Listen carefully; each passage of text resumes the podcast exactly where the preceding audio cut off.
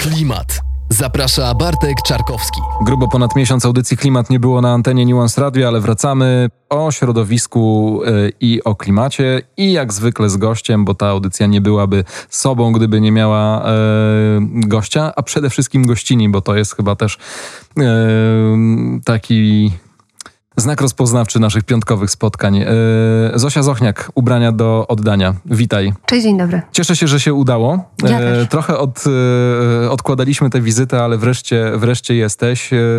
Umówiliśmy się chwilę po opublikowaniu takiego bardzo ciekawego wywiadu z szefem mm, Patagonii, czyli marki odzieżowej, z której używania słynę w tym radiu i są i dowcipy, i e, jingle w audycji Bolesny Poranek. E, rzeczywiście kilka lat temu odkryłem dla siebie tę e, markę, bardzo ją polubiłem i okazało się, mm, że to um, nie było przypadkowe i że ktoś, kto zajmuje się e, i trochę zawodowo, ale przede wszystkim mm, prywatnie ochroną klimatu i tym, jak e, my na niego działamy i co możemy zrobić. Dobrze, że sobie wybrałem tę tę markę, ale to nie będzie główny temat naszej rozmowy, bo podzielimy sobie ją pewnie na dwie części i Jak zaczęliśmy już od tej Patagonii, no to jedźmy tą Patagonią. Tak? Bo to Chcesz jest, jechać Patagonią? No, totalnie, bo cieszę się, że o tym powiedziałeś, dlatego że ja się bardzo z tej Patagonii, jakby w sensie ze swojej takiej ekscytacji tym, co oni robią, e, dłu- dużo tłumaczyłam,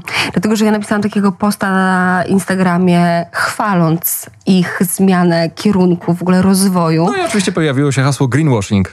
Totalnie, jak w ogóle ze wszystkim. To jest, to, to, to jest, to, to, To, się na nadaje... inną dyskusję, nie? Dokładnie, Że tak. wszystko już teraz, jak ktoś chce już naprawdę bardzo dobrze, to i tak jest wrzucany do e, Greenwashing do alert i wszystko po prostu huczy, że to nie ma żadnego To znaczenia. powiedzmy słuchaczom, którzy są może niezorientowani, czym jest greenwashing, to hasło, którego tutaj używamy, to jest ogólnie rzecz biorąc e, wrzucanie e, wszystkich inicjatyw dużych firm, korporacji, które nagle chcą zainteresować się ekologią, jako działań PR-owych, a nie e, rzeczywiście płynących e, z potrzeby i rozwoju. Tak, zielone kłamstwo po polsku. Bardzo często używa się takiego określenia.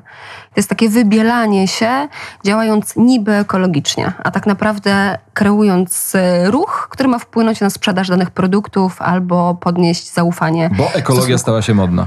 No, dzięki, dzięki, no nareszcie, nareszcie lepiej późno niż wcale. Trochę, trochę na to czekaliśmy.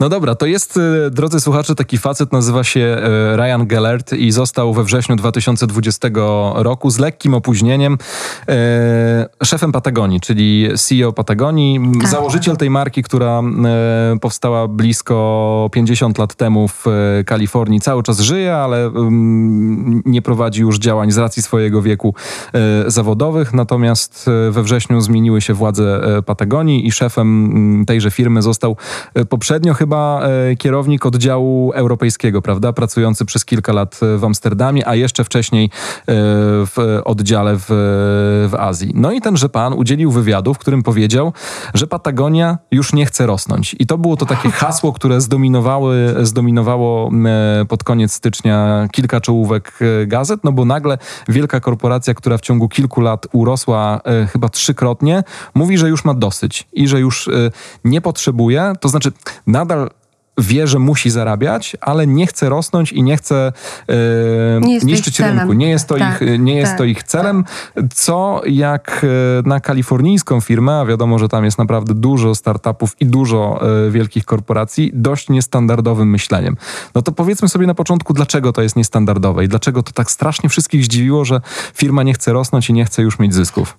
Przede wszystkim to zacznijmy od tego, czym jest ten fenomen Patagonii i dlaczego jesteś trochę obiektem śmiechów, podśmiechujek tutaj na miejscu, jako naczelny Zupełnie się, nimi, ambasador. zupełnie się nimi nie przejmując. Natomiast jesteś, tak to zrozumiałam, naczelnym ambasadorem Patagonii. Nic dziwnego, dlatego że faktycznie osoby, które są świadome klimatycznie i świadome, jeżeli chodzi o to, w jaki sposób konsumują ubrania i jak należy o nie dbać i czym jest drugi obieg, będą sięgały po tą markę. Dlatego, że Patago- Patagonia Nie jest obojętna na e, i nigdy nie była.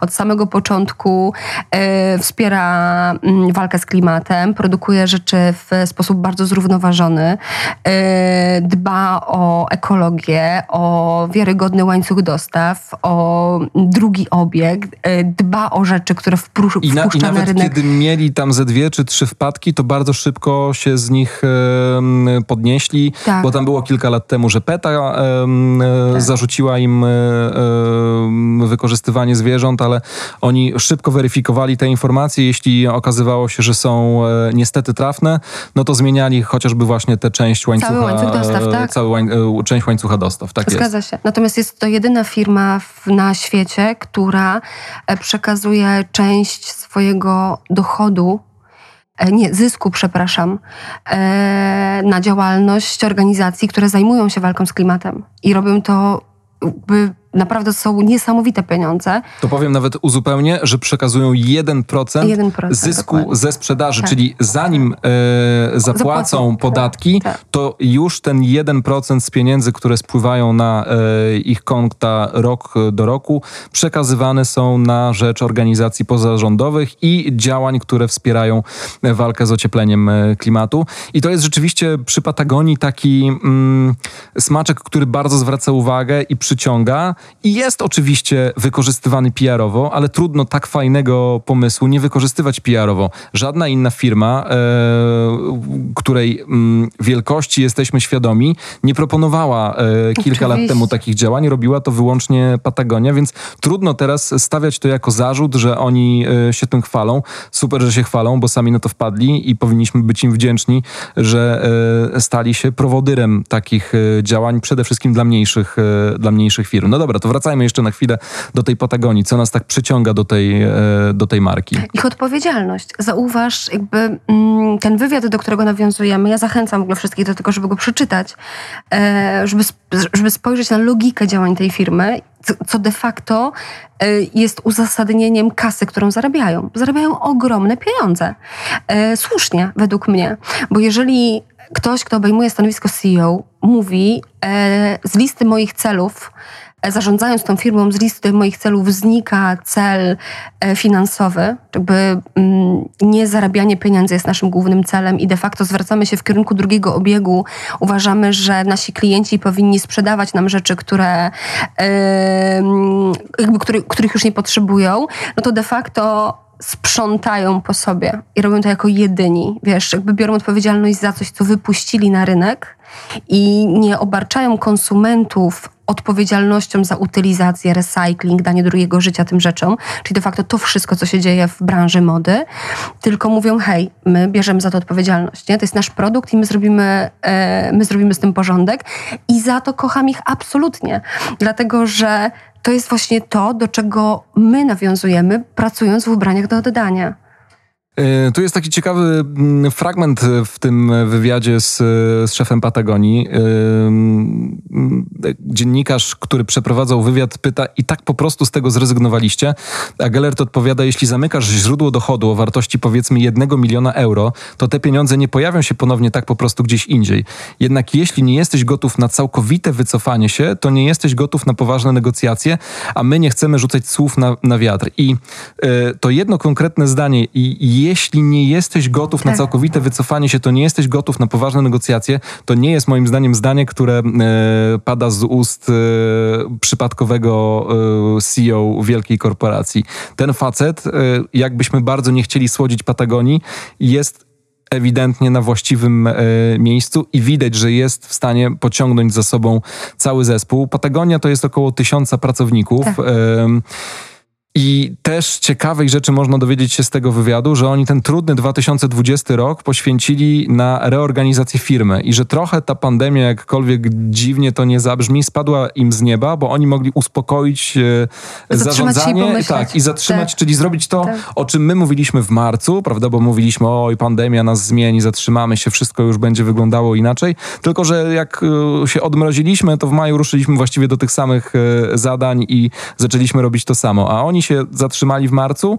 We wrześniu on zmienił się na tym e, stanowisku i pokombinował ze swoim, nie wiem, zarządem, zespołem. E, już nie wiemy dokładnie, jak ta struktura wygląda i pewnie nie ma sensu w, w to teraz wnikać. Natomiast wykorzystali ten czas na tyle kreatywnie, że rozpoczęli rok 2021, 2021 znowu mówieniem o marce Patagonia i znowu mówieniem w dobrym e, e, w dobrym klimacie, nomen, e, nomen omen. Mm, Zosiu, czy to jest w ogóle realne, że im się uda pociągnąć ze sobą inne firmy? To A, i druga część tego pytania, czy im się realnie uda wprowadzić ten system mm, gospodarki cyrkula, cyrkula, cyr, zawsze mam problem z tym słowem, gospodarki cyrkularnej e, na wysokim poziomie uczestnictwa konsumentów? Gdyby mieli być przykładem, z którego wszyscy czerpią inspirację, to firmy naśladowałyby ich działania. Z jakichś względów to się nie dzieje. I faktycznie są jakieś takie delikatne piki, jeżeli chodzi o branżę, o sektor mody, natomiast to jest trochę tak, że Patagonia jest dekadę przed innymi. I teraz to może wynikać, ta, ten brak aktywności ze strony branży może wynikać z tego, że no jakby cały, cały czas jest nastawiona na zysk kasa, nie? Jakby celem, celem jest zarabianie pieniędzy, głównym celem. Tylko ja mam takie wrażenie, że poprzez właśnie zmianę tej filozofii działania Patagonii, to przyniesie im ogromną kasę. Większą niż ten, ten, ten, ten, te dotychczasowe słupki sprzedaży. Ja, ja odnoszę takie wrażenie, dlatego że ludzie docenią ich szczerość i to, w jaki sposób y, oni to zakomunikowali. I, i, I, to, w jaki sposób będą teraz działać. I to jest fenomen według mnie. Czyli chcecie dobrze zrozumieć. Facet mówi, że nie chcą już tyle sprzedawać. Będzie sprzedawał dalej tyle eee, samo, albo i więcej. Albo i więcej, więcej, dlatego że na ludziach zrobiło to e, wrażenie. wrażenie. Tak. I ktoś sobie myśli, nawet jeśli wcześniej nie słyszał o marce Patagonia, a jest to całkiem możliwe, bo to nie jest najbardziej popularna marka e, odzieżowa na świecie i w Polsce nadal trudno dostępna, e, to ktoś sobie myśli, o kurczę, tak się dobrze o niej mówi, to idę kupić. No to, Totalnie. To, to jednak trochę musiałaś mieć problem z argumentowaniem, że to nie jest greenwashing. Tak, zgadzam się. W sensie mm, dyskusje były dość żywiołowe, dlatego że bardzo dużo osób zestawia działalność Patagonii z e, działalnością typowych sieciówek. E, natomiast jeżeli się zagłębisz w jakby w strukturę poznasz historię tej firmy i zobaczysz, w jaki sposób działała, nawet w kontekście tych wpadek, które też były wyciągane i mówili ludzie, ej, ale zobacz, tutaj oni robili takie i takie rzeczy. Natomiast ja wtedy też staram się tłumaczyć, jak wygląda łańcuch dostaw. Jakby co się za tym kryje, za, za tym pojęciem, co się kryje e, łańcucha dostaw. No to powiedz, no, co się kryje za pojęciem łańcuch dostaw? No tak naprawdę wszystko to, co wydarza się od momentu, kiedy bawełna rośnie na polu, jakby staje się, jest rośliną, do momentu, kiedy staje się koszulką, po którą sięgasz w sklepie. To wszystko, wszystkie te elementy, które się zawierają w tym procesie, są łańcuchem dostaw. I na to się składa nie tyle tylko sama kwestia tego, czy bawełna jest organiczna, czy jest konwencjonalna, czy jest certyfikowana. Ale A również... oczywiście Patagonia używa e, wyłącznie e, tak. bawełny organicznej, która, uwaga, i to jest jeden z e, najbardziej chyba, jedno z najbardziej szokujących danych, 1% pól bawełny tak. na świecie to są pola bawełny organicznej. A w ogóle wiesz, że to y, przez to, że Patagonia wykorzystuje wyłącznie bawełnę organiczną, jest bardzo dużo marek, które wykorzystują ten fakt i mówią, że nie są w stanie stosować bawełny organicznej do produkcji wszystkich swoich kolekcji, ponieważ tylko 1% bawełny organicznej stanowi jakby produkcja bawełny. W związku z tym oni się tym 1%. tak, tak, tak, i oni się no tym 1% dzielą. Ponieważ nie mogą do swoich dostawców i powiedzieć, słuchajcie, uprawiajcie e, organicznie. Ale to jest totalnie true story. Wystarczy sobie wejść na stronę którejkolwiek sieciówki i przeczytać ich e, zasady dotyczące zrównoważenia produkcji właśnie w kontekście bawełny organicznej. To jest najpiękniejszy przykład to, to, to, to, o tym, to o tym nie wiedziałem. Wiedziałem o tym e, jednym procencie, ale nie wiedziałem, że staje się to kontrargumentem. E... Doskonałym zresztą według mnie, no bo jeżeli ktoś nie dysponuje taką wiedzą, w sensie jakby nie umiesz sobie wyobrazić skali albo nie rozumiesz, nie wiesz jak wygląda uprawa bawełny, z czego to wynika, jaka jest różnica między konwencjonalną a organiczną, to pomyślisz sobie ty, no kurde, fakt, nie? Jeżeli Tak tylko, tylko 1%, 1%? i tylu producentów, to w ogóle super, że się dzielą, nie? To w ogóle fantastycznie, że chociaż te gacie wypuszczone są z tej bawełny organicznej, bo to musieli się mega natrudzić, żeby to się wydarzyło. No dobra, wracajmy do tego łańcucha dostaw. Jesteśmy na polu bawełny A, organicznej no tak, i potem co się dzieje? E, No potem mamy cały ten proces obróbki, czyli de facto trzeba z tych pięknych kwiatuszków bawełnianych e, zrobić bawełnę. I, I w to też się zawiera kwestia organiczności. Tutaj też wchodzą na przykład dodatkowe certyfikaty, jak certyfikat ym, y, GOTSA, który też jakby reguluje te wszystkie kwestie dotyczące ilości zużycia środków chemicznych, barwników, metali ciężkich. Jakby, jakby jest cała obróbka tych pięknych kuleczek do wyprodukowania z tego materiału. Następnie ten materiał trafia do szwalni, gdzie jest, jakby- gdzie przygotowuje się te ubrania. W kolejnym kroku są metki, są guziki, które też muszą być objęte w przypadku certyfikacji, muszą spełniać w te wszystkie normy.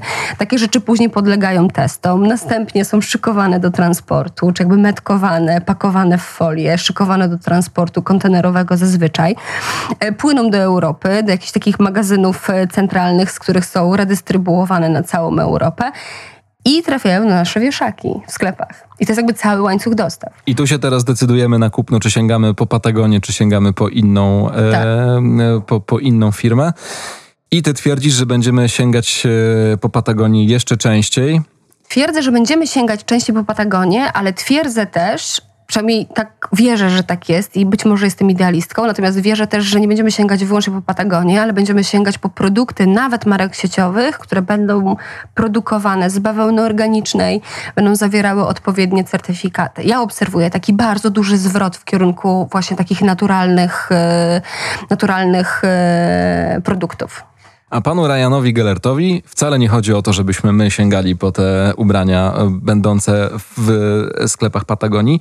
Jednocześnie, y, i tutaj taka moja prywatna refleksja, kiedy udało mi się w ubiegłym roku e, wyjechać e, ten jeden, jedyny raz za granicę w czasie pandemii, to pojechałem do Berlina i okazało się, że mm, w rejonie Mitte są już dwa, był jeden, a teraz już są dwa sklepy e, Patagonii, czyli trochę się rozrasta jednak ta sieć e, sprzedaży. I tu jest jakaś pewna nieścisłość, bo wydaje się, że tych sklepów powstaje. Oczywiście w Polsce cały czas nie ma i prawdopodobnie nie doczekamy się mm, e, takiego certyfikowanego sklepu e, Patagonii. Nie wiem, czy słowo certyfikowane jest to tutaj e, najlepsze, ale takiego brand store'u Patagonii. Natomiast to trochę się kłóci być może z tym, co jest w tym, w tym wywiadzie, a być może jest to po prostu pozostałość po działaniach poprzedniej prezes, która rozwijała sieć sprzedaży, a teraz ta sieć sprzedaży będzie skracana. Z drugiej strony oni chyba się chcą przerzucić przede wszystkim właśnie na swoje sklepy oraz na e, zakupy przez sklep internetowy i, i, i dlatego będą ścinać inne, inne miejsca, gdzie te produkty można było kupować. No ale dojdźmy do tego sedna, e, że całość tego pomysłu projektu e, Ryana Gellerta polega na tym, że my mamy oddawać nasze ubrania Patagonii, które już przestały nam się podobać, co jest moim zdaniem praktycznie niemożliwe, albo się zużyły i tu znowu mogę powiedzieć, że to jest praktycznie Niemożliwe. niemożliwe, e, bo chyba na tym mm, ten sukces Patagonii się przede wszystkim zasadza, że właściwie bierzesz bluzę kupioną 5 lat temu i ona nadal wygląda jak bluza kupiona 5 lat temu. E, I mm, dla kogoś, kto zrozumiał, że e, fast fashion nie jest dobrym rozwiązaniem i kiedy wyzbyłeś się już z głowy tych pomysłów, że musisz sobie co miesiąc kupić nowe, e, nowe ubranie, to docenienie tego, że okej, mam w e, szufladzie albo w szafie pięć bluz i tyle mi wystarcza, ale trzy są Patagonii i trzy wyglądają cały czas doskonale, e, to jest to jakiś taki mm, rodzaj spokoju i wiesz, e, okej, no, ja będę znowu na tym zdjęciu w tej samej bluzie, ale wiem, że ta bluza jest jakościowa i wiem, że nie muszę iść do sklepu i wiem, że nie muszę wydawać pieniędzy i wiem przede wszystkim, że przez mój głupi zakup e, kompulsywny nie ucierpi planeta i ten, ta jedna bluza mniej to jeden malutki element tego łańcucha dostaw, o którym, o którym mówiłaś. Więc pan Gellert z firmą Patagonia namawia nas do odsyłania tych rzeczy. Oni, Oni będą je odkupywać. odkupywać Tak, i oni tak, będą u, tak, tak. przygotowują jakąś e, formę e, odświeżania i restauracji tych, e, tych ubrań, które będą wprowadzać do ponownego obiegu. I tu się zastanawiam, jak to będzie możliwe, bo użytkownicy tej marki nie chcą się chyba rozstawać z ubraniami e, z charakterystycznym logo e, argentyńskiego południa. To jest w ogóle też ciekawy case, dlatego że mm, bardzo łatwo jest na przykład w Polsce dostać Patagonię z drugiego obiegu. Bardzo łatwo, mam Bardzo wrażenie, że łatwo. bardzo trudno. No, ale właśnie ja mam zupełnie, być może dlatego, że ja mówię o sobie, że jestem szmaciarką, A być może dlatego, że ja mało szukam. to też na pewno te, yy, to też jest na pewno ten powód. Natomiast łatwo jest dostać Patagonię z drugiego obiegu, którą de facto też już ktoś kupił, czy, czyli może nawet nie z drugiego obiegu, a z trzeciego albo z czwartego obiegu. A powiedz mi, jaka jest Patagonia w cenie? Taka z lat 90., 2000 czy poprzedniej dekady? Yy, Każda się nada. Średnia półka, ty, typowy lumpex. Ja teraz kupiłam z, w sklepie internetowym, w lumpeksie internetowym e, zimowy taki polar Patagonii dla malucha 9-12 miesięcy, czekając na moją córkę. Rozumiem, przygotowujesz się. Za 6 dych. Więc de facto jest to jedna czwarta ceny nowej Patagonii, gdybym chciała ją sobie zamówić ze Stanów. Więc Mhm. kosztował mnie ten w sensie ten, ten kombinezon 60 zł. I teraz znowu, no jest to Patagonia, Jest pewnie w bardzo dobrej formie. jest w bardzo dobrej formie, no bo jakby są to ciuchy nie do zajechania. No nie oszukujmy się, musimy to powiedzieć, że one są nie do zajechania, po prostu. Yy, one są nie do zajechania. Dlaczego? Bo to jest ta organiczna bawełna, czy to jest yy, rodzaj jakiegoś innego pomysłu na wytwórstwo? Na czym polega ten sukces? Że yy, i od razu dodam, ta audycja nie jest sponsorowana przez Patagonię. Ta audycja jest o Patagonii, ale nikt być.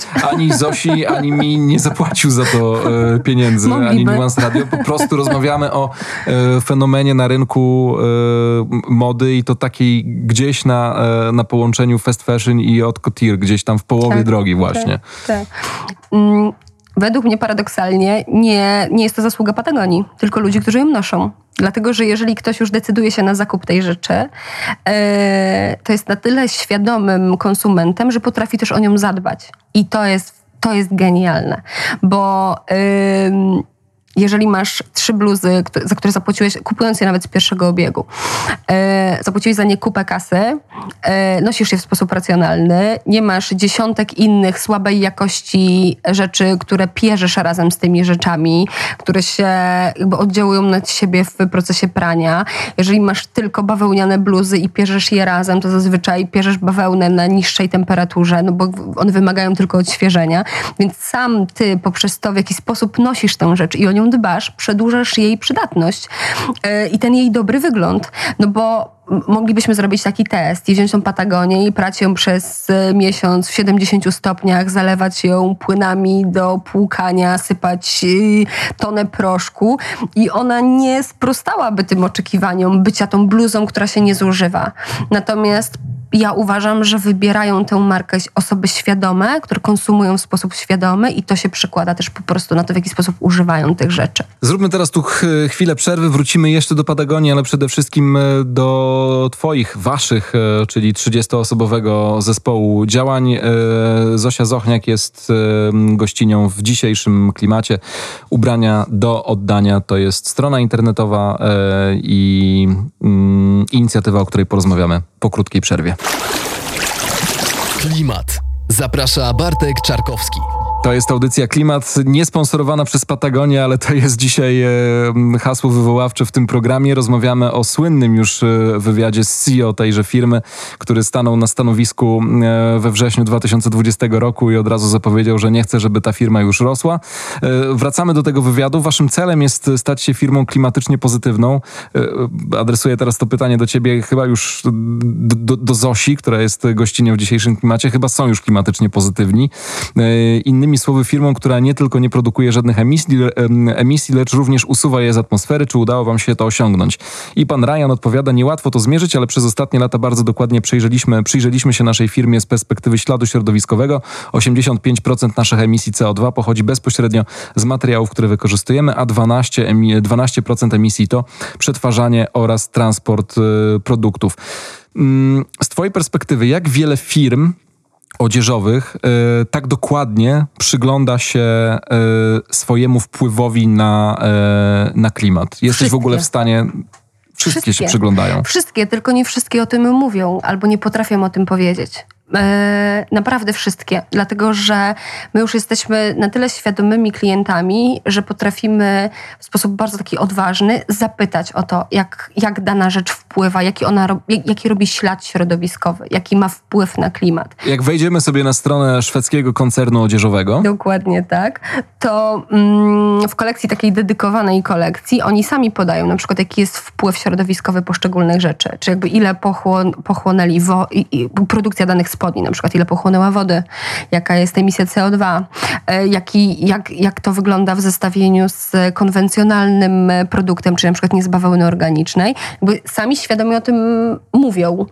E, Mierzy to każdy, bo jakby to też wpływa na, ta emisyjność wpływa też na cenę tych produktów, no bo e, wiesz w, jak, w, jak, w, jaki spo, w jaki sposób wygląda twój łańcuch dostaw, co na jakim etapie się odbywa, e, kiedy produkujesz t-shirt, bez względu na to, czy jesteś tym szwedzkim koncernem, czy jakimkolwiek innym, czy polskim, czy jakkolwiek, musisz mieć tego świadomość, bo e, proces produkcji i Twoja wiedza na temat procesu produkcji pozwala Ci z Twoim dostawcą negocjować stawki.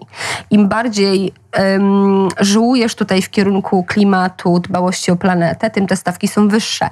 Im bardziej chcesz oszczędzać wodę, tym więcej pieniędzy musisz na to wydać. Nie? Im mniej metali ciężkich chcesz używać w produkcji tych rzeczy, zamienić je na na przykład organiczne, tym musisz zapłacić za to więcej kasy, bo wymaga to od ciebie po prostu nakładów i, i tego kapitału.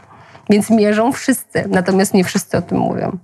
Patagonia jest tą marką, która mówi o tym e, od lat i dlatego tak ją lubimy. Lubimy też ją dlatego, że te em, ubrania można nosić, co powiedzieliśmy kilkanaście minut temu i kilka minut temu e, przez, e, przez wiele lat. Ja na razie nie mam zamiaru im niczego odsyłać, bo po prostu nie chcę się pożegnać z tymi, z tymi rzeczami, ale też opanowałem się w kupowaniu i to też pomaga mi mm, w takim ustawianiu swojej szafy, że ja wiem, że ja, ja potrzebuję jednego produktu może na, e, e, na rok. No chyba, że coś mi się ewidentnie nagle popsuje, e, ale na szczęście, e, na szczęście się tak nie działa. E, nie, na szczęście się tak nie dzieje, dlatego że wybieram akurat konkretną, e, konkretną firmę. Mm, Natomiast wiem, że mam jeden zakup na rok i to, mi, e, i to mi wystarcza.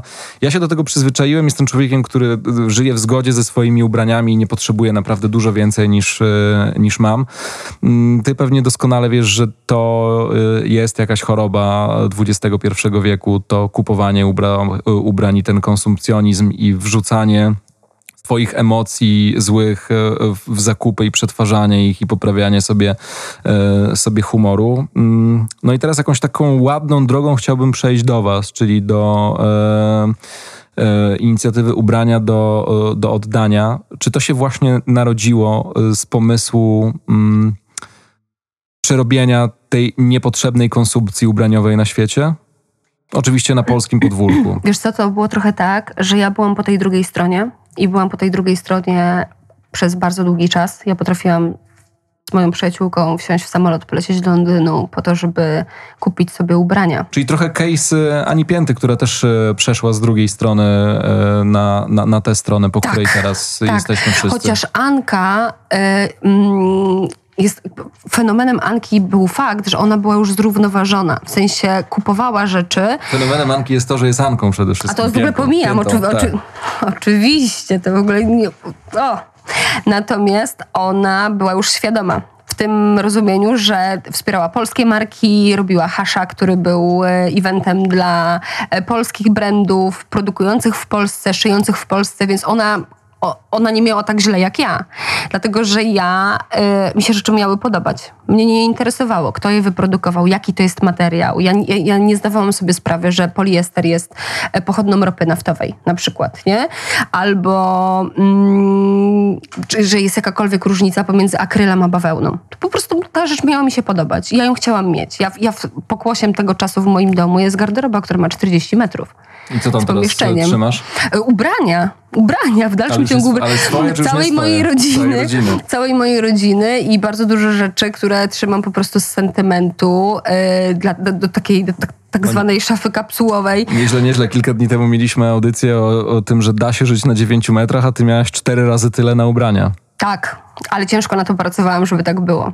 Bo ja jestem, wiesz, mm, dziewczyną, która pochodzi z małej miejscowości. Pamiętam do dziś, jak przyjechałam do Warszawy i patrzyłam na ludzi, którzy pili kawę w Starbucksie i mówiłam sobie, fuck, chciałabym, żeby kiedyś mi było na to stać. Wejść do tego Starbucksa, kupić sobie kawę i ciastko tam za 20 parę złotych. Bo to było dla mnie totalnie nieosiągalne i zaczęłam na to bardzo ciężko pracować i efektem tego było, w- był najgorszy Kupno czas w moim życiu. kawiarni Starbucksa w Polsce. Domu. Domu. Wzięcie kredytu w wieku tam dwudziestu paru lat i kupno domu po prostu, bo uważałam, że jakby kwestia posiadania jest kwestią, która mnie definiuje. I, i żyłam bardzo konsumpcyjnie. To kiedy to pękło? W 2016 roku było takie pierwsze przebudzenie, e, kiedy poznałam po prostu kogoś, kto mi powiedział, jak można wydać tyle pieniędzy na torebkę. E, I dodał, kto nie liczy złotówek, nie ma milionów. I była to osoba bardzo doświadczona w biznesie, zawstydziła mnie. Po, jakby w, doświadczona w biznesie, bardzo dorosła, czy jakby też już w odpowiednim wieku. No dobra, to cię mogło skłonić do oszczędzania, ale nie do przejścia na drugą stronę, więc y, kiedy nastąpiło to kolejne uderzenie? No, jak byłam w Wielkiej Brytanii też na zakupach i do skrzynki na listy u moich przyjaciół, których pomieszkiwałam przez ten weekend, tam spędzałam ten czas, e, wpadały takie charity, charity bagsy, takie reklamówki, które dystrybuuje się do zbiórek door-to-doorowych, odzieży używanej w, w Wielkiej Brytanii. I ja wtedy sobie oglądałam te reklamówki i powiedziałam, wow, zajebiste. W ogóle oddaję rzeczy, których nie potrzebujesz, one trafiają do organizacji, które te rzeczy rozdają Ty się pozbywasz nadmiaru swoich niepotrzebnych rzeczy, tym samym ktoś inny z tego korzysta. I zaczęłam się tym interesować, szczególnie w kontekście tego, jak to wygląda w Polsce. No i wtedy dowiedziałam się, jak wygląda drugi obieg e, odzieży używanej, jaka jest wartość tych ubrań, jak... em, Niesamowite w tej historii, przepraszam, że wejdę ci w słowo, bo to jest kolejny taki przykład tej audycji, że wydaje się, żeby zacząć na poważnie interesować się klimatem, ochroną środowiska, tym wszystkim, co sobie omawiamy w tym podcaście, to trzeba jakiegoś takiego wielkiego oświecenia, że przychodzi y, jakaś taka fala z kosmosu, z nieba i nagle nas y, przemienia i, i, i, i myślimy nagle pozytywnie i y, Albo o, e, o, e, o ziemi i o środowisku, a to są takie super małe kroki i super małe Tak. wydarzenia, że to są zawsze takie właściwie, wydaje się, nieznaczące ruchy, które Tak. zmieniają podejście wielu osób, które potem otwierają startupy takie jak, e, jak wasz. Tak. Mi Strasznie to lubię w, w, tych, w tych Mi- spotkaniach z wami. mi było wstyd. Dlatego, że ja sobie pomyślałam, ja pierdzielę, jak to jest możliwe, że ja tak ciężko pracuję 7 dni w tygodniu. Naprawdę, 7 dni w tygodniu. To się też ładnie zajeżdżałaś. Totalnie stres, deprecha, zero życia, w ogóle, wiesz, zaczynanie pracy o 5 rano, kończenie w ogóle o 22, nie? Taka, taki, taki pęd nie wiadomo za czym, po to, żeby później tę ciężko zarobione, zarobioną kasę wydawać w takich ilościach na rzeczy, które są po prostu gówniane, które jakby źle mają metkę. One mają metkę, nic więcej. Jakby mają metkę, one nie sprawiają, że czuję się lepiej.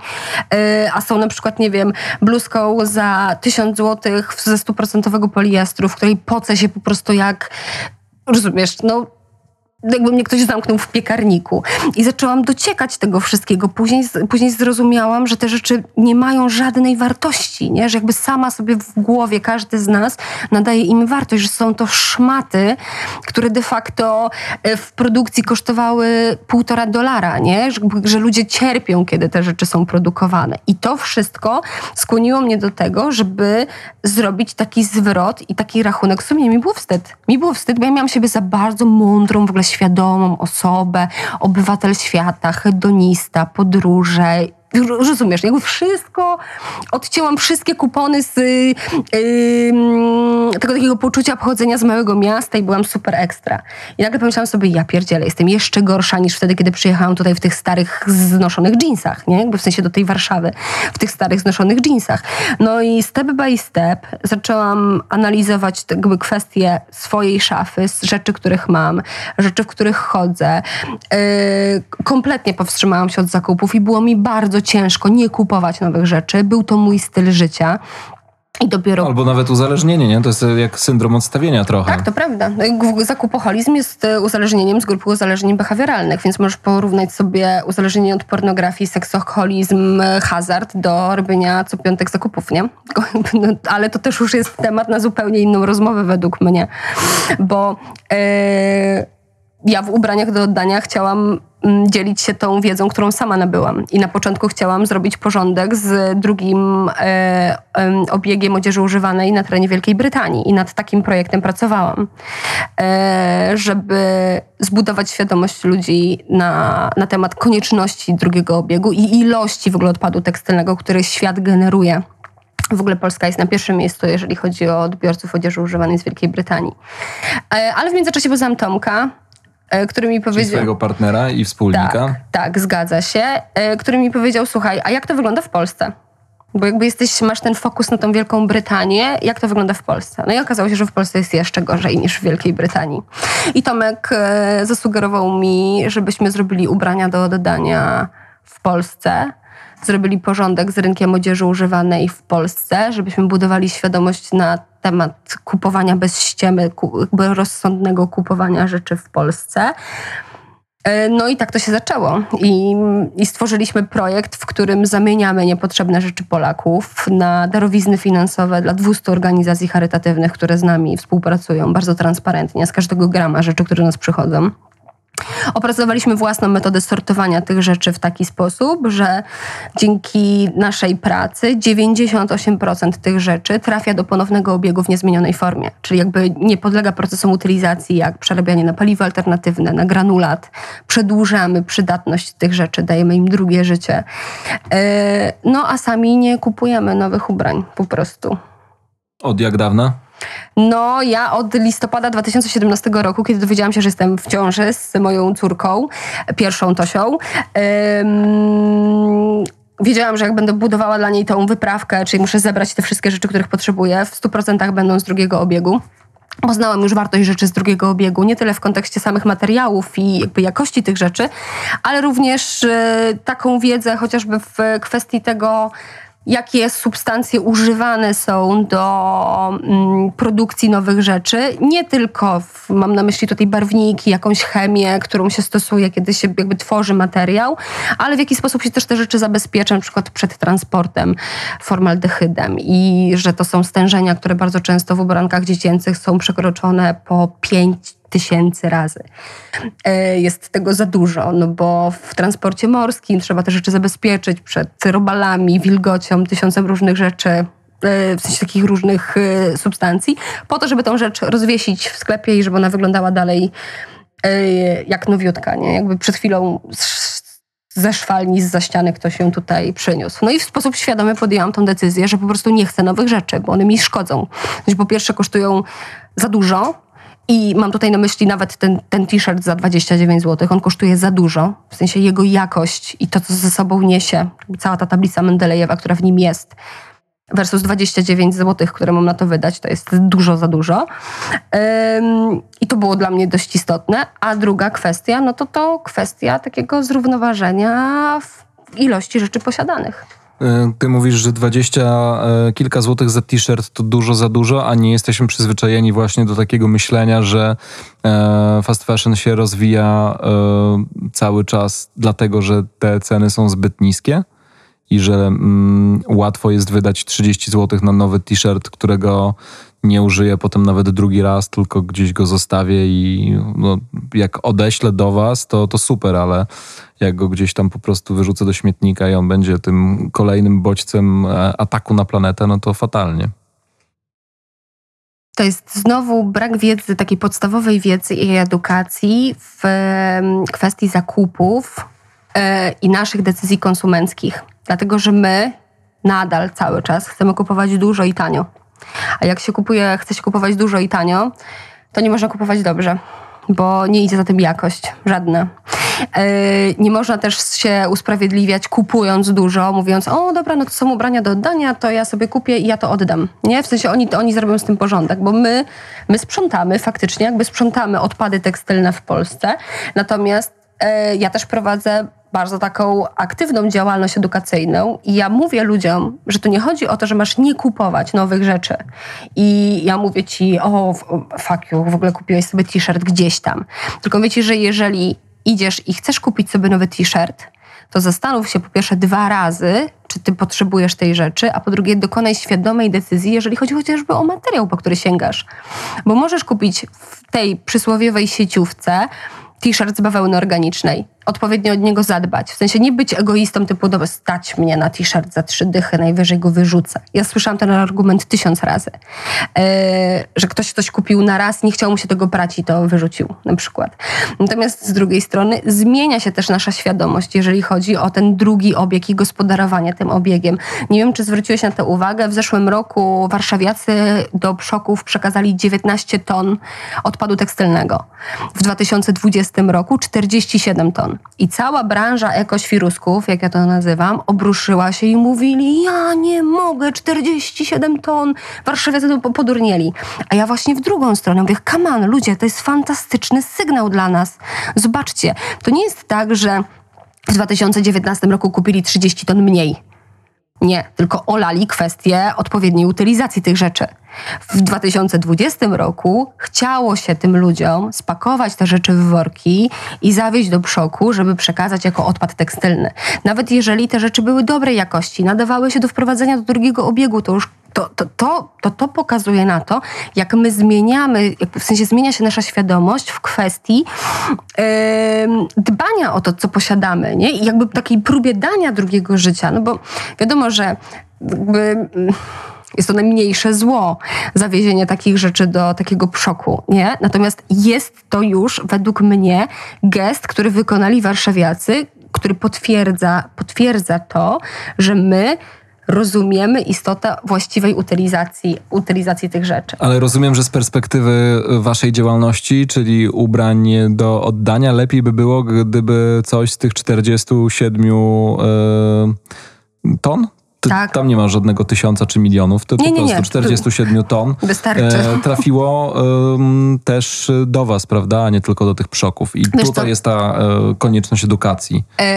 Tak, i my to robimy. Robimy to też bardzo mm, prężnie działając, jeżeli chodzi o akcje CSR-owe, które organizujemy w firmach i korporacjach, czy jakby prowadzimy tam najpierw webinary i tłumaczymy ludziom, czym są odpady tekstylne i dlaczego należy robić wszystko, żeby przedłużać im tą ich przydatność. I prowadzimy takie zbiórki, ale też jakby jesteśmy partnerem miasta, w sensie no, może za dużo powiedziane, jakby opracowujemy teraz plan na wspólną kooperację pomiędzy nami a e, Warszawą, po to, żeby zrównoważyć też wiedzę w kwestii odpadów tekstylnych warszawiaków i być może uda nam się doprowadzić do tego, że te odpady tekstylne, które oni będą gromadzić w tych przokach, będą trafiały najpierw do nas, zanim trafią, wiesz, do, do spalarni na, na paliwa alternatywne. Natomiast no, jest to cały I pozostawią po sobie e, ślad węglowy, bo też trzeba o, tym, e, o tak. tym powiedzieć, że tak. To nie jest tak, że okej, okay, pozbyłem się ubrań, one zostaną spalone, to już e, w nosie, tylko chodzi o ten sam proces spalania, który e, jest najgorszy właśnie dla śladu węglowego. No i e, jest to utylizacja. My musimy o tym pamiętać, że właśnie to jest to, to jest właśnie to, wiesz... My chcemy dawać drugie życie, a nie utylizować. Tak, dokładnie tak. Dokładnie. to szybko jeszcze o samej inicjatywie, bo naprawdę zostało nam dosłownie e, kilka chwil na, na ten klimat. Szybko e, o tym, jak można do was e, dołączyć do ubrań do oddania i, i jak się włączyć w waszą, e, waszą działalność? To ja każdego dnia jestem na naszym Instagramie i tam tą naszą... Prężnie działającym, to prawda po swojemu, po swojemu. Specjalistą od Instagrama nie jestem, ale działa, e, realizuje tam swoją misję, a jeżeli ktoś chce faktycznie jakby za naszą sprawą dać drugie życie tym rzeczom, których nie potrzebuje, to wystarczy wejść na ubrania do oddania.pl, tam wybrać fundację, którą się wspiera e, swoją darowizną, wypełnić krótki formularz odbioru e, tych rzeczy, po nim przyjeżdża bezpłatny kurier w wyznaczonym przez ciebie terminie, zabiera spakowane kartony z tymi rzeczami, one trafiają do naszego magazynu, ważymy je, przekazujemy kasę do wybranej fundacji. Już 400 tysięcy przekazaliśmy prawie do współpracującej Licznik jest, fundacji. na, e, licznik jest na stronie, Tak. czyli reasumując, e, po twojej stronie, droga słuchaczko, drogi słuchaczu, jeśli chcesz e, się zaangażować, są właściwie tylko trzy czynności, czyli e, zrobić e, porządek w swojej szafie, zdecydować e, z czego już nie chcesz korzystać i e, czego nie wyrzucasz do śmietnika, tylko właśnie włączasz się w akcję ubrania do oddania, potem wypełniasz formularz na stronie internetowej, pakujesz rzeczy do e, pudełka i czekasz na kuriera. To są Koniec. wszystkie rzeczy, które ty musisz zrobić, żeby e, pozbyć się niechcianych e, ubrań z domu, to A, a B wspomóc jakąś organizację, z którą współpracują ubrania do oddania. To muszę ci na koniec zadać to pytanie, bo na pewno ono się też gdzieś pojawia w głowach naszych słuchaczy. Co wy w takim razie z tego macie? Ty, Tomek i pozostałe e, 30 osób. Pieniądze. Jest to nasza praca. Ubrania do oddania są naszą pracą. E, może To jeszcze na którym etapie wy zarabiacie e, w e, ubraniach? na etapie komercjalizacji tych rzeczy, czyli de facto w momencie, w którym te rzeczy do nas przychodzą, jakby trafiają do naszego magazynu, są przez nas sortowane. No oczywiście jakby wcześniej ponosimy wszystkie te koszty logistyczne, operacyjne, które się wydarzają. One są sortowane, są dzielone na 160 kategorii i sprzedawane dalej. My współpracujemy z 16 aktualnie second handami w całej Polsce, które chcą być cyrkularne i faktycznie jakby współtworzą z nami ten obieg zamknięty, no bo my pozyskujemy odpad tekstylny na terenie Polski, tutaj go przerabiamy i tutaj go wprowadzamy do ponownego obiegu. E, No i jest ten etap komercjalizacji, czyli, jakby ta, czyli ta sprzedaż tych wszystkich rzeczy, która pozwala nam na to wszystko zarabiać. No i pięknie, czyli wygląda to tak. Wy sprzątacie swoje szafy, sprawdzacie, czy tam nie ma czegoś e, z Patagonii, wysyłacie to do e, ubrań do oddania. Wy to sprawdzacie, jest tam jakaś Patagonia, ona ląduje w, W mojej lumpeksie. szafie. Nie, nie, właśnie ja chcę, ja chcę to wyciągnąć. Ląduję w lumpeksie, ja idę do lumpeksu, wyciągam Patagonię i jestem e, zadowolony. E, Zgadza się. Teraz Zosia, będziemy y, pracować, pracujemy teraz bardzo prężnie nad odpaleniem własnej sieci e, cyrkularnych butików i bardzo, bardzo liczymy na to, że uda nam się to odpalić już za sekundę. I to będzie idealny po, powód do naszego kolejnego spotkania. E, Zosia Zochniak była gościnią w dzisiejszym klimacie. Pięknie Bardzo dziękuję. Ci dziękuję za tę e, rozmowę i za tą godzinę. Do usłyszenia za dwa Dziękuję tygodnie, a z Zosią pewnie w niedalekiej przyszłości również na antenie Nuance Radio. Dziękuję bardzo. Klimat. Zaprasza Bartek Czarkowski.